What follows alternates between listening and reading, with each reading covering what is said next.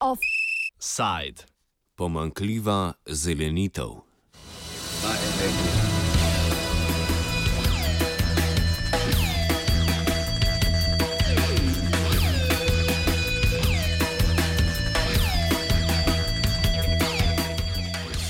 Evropsko računsko sodišče je izdalo poročilo o uspešnosti programa zelenitve v okviru skupne evropske kmetijske politike. Namen tako imenovane zelene komponente plačil je podpiranje uporabe kmetijskih praks, ki povečujejo okoljsko vzdržnost kmetijstva. Program zelenitve je bil sprejet v okviru skupne kmetijske politike leta 2013 in z 12 milijardami evrov predstavlja slabo tretjino sredstev skupne evropske kmetijske politike oziroma kar 8 odstotkov celotnega proračuna Evropske unije.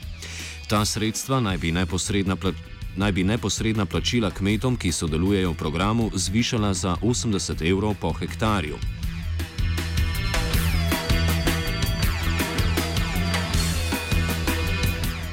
A kot ugotavlja Evropsko računsko sodišče, je program zelenitve okoljsko pozitivno vplival zgolj na okrog 5 odstotkov kmetij. Temu botruje dejstvo, da kar dvema tretjinama kmetovalcev, ki jih je računsko sodišče intervjuvalo v zadnji v svoji raziskavi, za pridobitev zelene subvencije ni bilo treba spremeniti načina kmetovanja.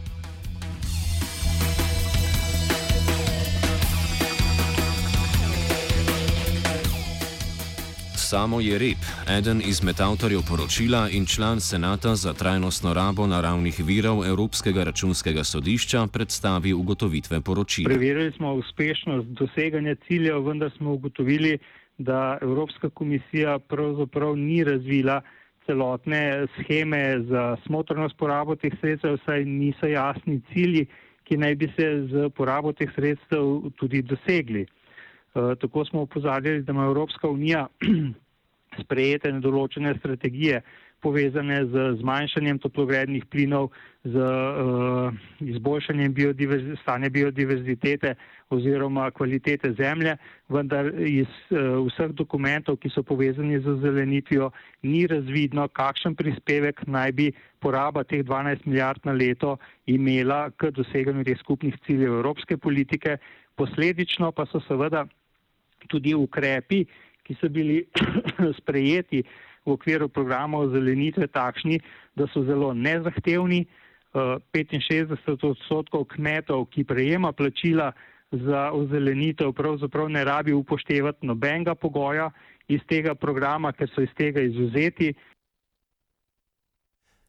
Ker večina kmetov ni prisiljena spremeniti načina kmetovanja, da bi bili upravičeni do subvencij, je imel program zelenitve pozitivne okoljske učinke le na petih odstotkih kmetijskih površin v Evropski uniji.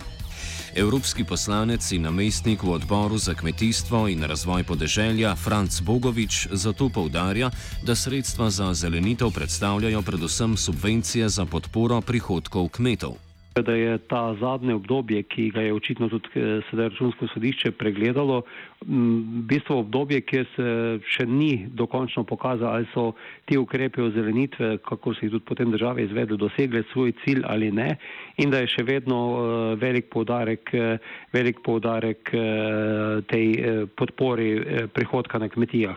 Tako da je pričakovati tudi v naslednji perspektivi tu določene spremembe. Eh, komisar Hogan, ki je sedaj tudi že dal dokument ven, s katerim nakazuje, v katero smer bi šla bodoča kmetijska reforma, na tem področju daje, eh, predvideva tudi več suverenosti držav članicam, da si same nekako eh, določijo tudi te bolj ciljne, eh, cilj, cilje na področju zelenitve, kajti med državami je zelo velika razlika in eh, neko intenzivno kmetijstvo ne vem, nizozemske, danske, severne Nemčije se nikakor ne more primerjati z našim kmetijstvom, ki je zagotovo okoljsko bistveno, bistveno bolj spremljivo, kot je to v teh najintenzivnejših kmetijskih proizvodnjah na severozahodu Evrope. Samo je rep slabo zastavljene cilje programa zelenitve pojasni na primeru zmanjšanja toplogrednih plinov, saj ni jasno, kakšen naj bi bil ta ukrep. Če lahko uh, to nekako pojasnim na primeru, Evropska unija ima recimo za uh, toplogredne pline sprejeto strategijo, da mora obseg toplogrednih plinov zmanjšati za 20 odstotkov do leta 2020, za 40 odstotkov do leta 2030 in za 80 do 95 odstotkov do leta 2050. Kakšen naj bi bil prispevek kmetijske politike k zmanjšanju toplogrednih plinov, v bistvu ni jasno.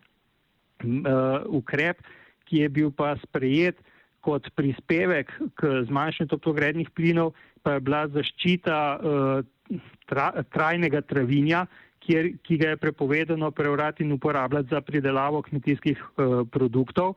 Vendar so države članice zaradi nejasnih ciljev, ki bi jih morale doseči, uh, določale zgolj del trajnega travinja in še tega zgolj v okviru območij Nature 2000 kot tiste, ki so zaščiteni travniki. Če pa želimo v bistvu vplivati na to, da se uh, oglik ne sprošča iz, iz zemlje, ki je uh, pod tem trajnim travinjem, pa seveda bi morali zaščititi ne samo tiste trajne travnike v okviru Nature 2000, ampak tudi tra, travnike, ki so izven ja. tega območja. Evropska komisija torej z instrumentom zelenitve zgolj poveča birokracijo, ki jo morajo kmetje izpolniti, da lahko pridobijo finančna sredstva.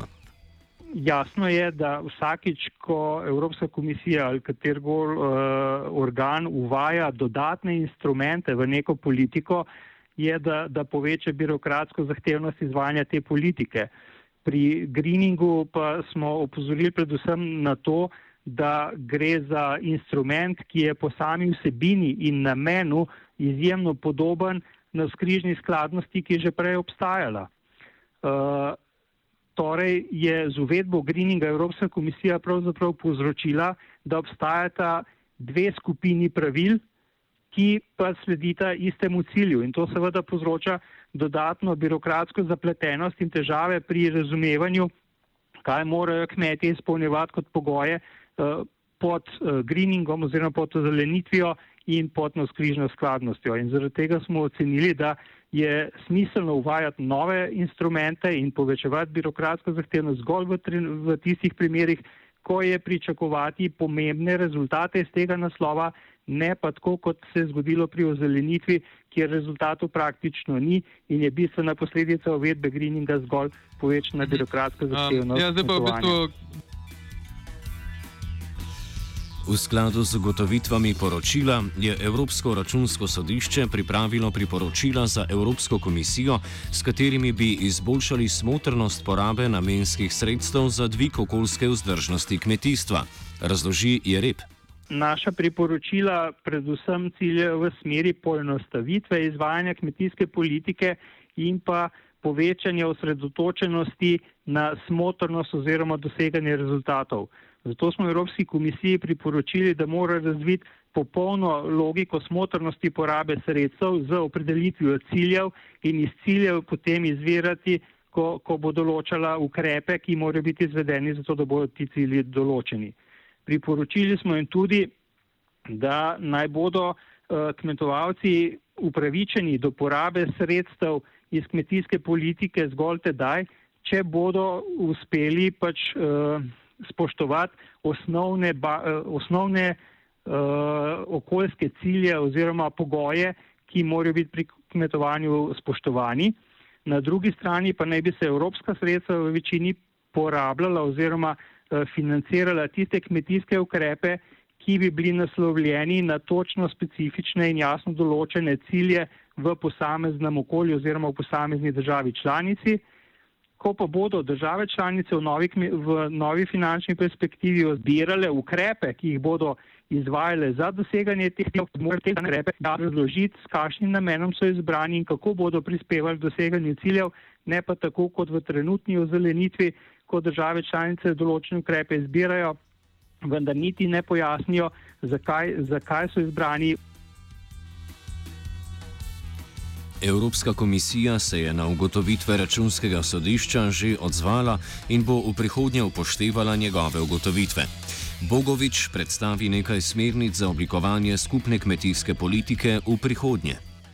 Cilj bo, da se bodoče cilje v kmetijski politiki država postavi bolj suvereno sama, da tudi določi kazalnike, s katerim bo spremljala in da se potem ocenjuje tudi, koliko kmetijska politika vpliva tudi na samo, same okoljske cilje. In to bo ena od ključnih dilem tudi eh, tako najprej pri nas v Evropskem parlamentu, kjer bomo, kjer se to, to bodoče obdobje v bistvu že zelo intenzivno sestavljamo, prav tako pa tudi na državah članicah, da bodo zelo, zelo, moram reči, kar precej bolj kot v prejšnjih perspektivah tudi same se aktivno vključile v to in tudi eh, same pri sebi imele jasno pot, po kateri želijo razvijati kmetijstvo. Jereb odziv Evropske komisije pozdravlja, vendar povdarja, da smernice kmetijske politike še niso dovolj jasne. Evropska komisija je pred kratkim izdala svoje sporočilo o tem, kako namerava pristopiti k oblikovanju nove kmetijske politike. Uh, z vidika zgolj tega sporočila samega smo relativno lahko zadovoljni, saj so sledili našim uh, priporočilom vendar pa je to sporočilo šele prvi korak pri oblikovanju nove kmetijske politike in je zelo splošno, ni še posebno konkretno in jasno razdeljeno, kako namerava Evropska komisija spodbujati smotrnost in oblikovati cilje kmetijske politike, tako da bomo to natančno spremljali še v prihodnje. Offside sta pripravila vajenka Petra in noveli.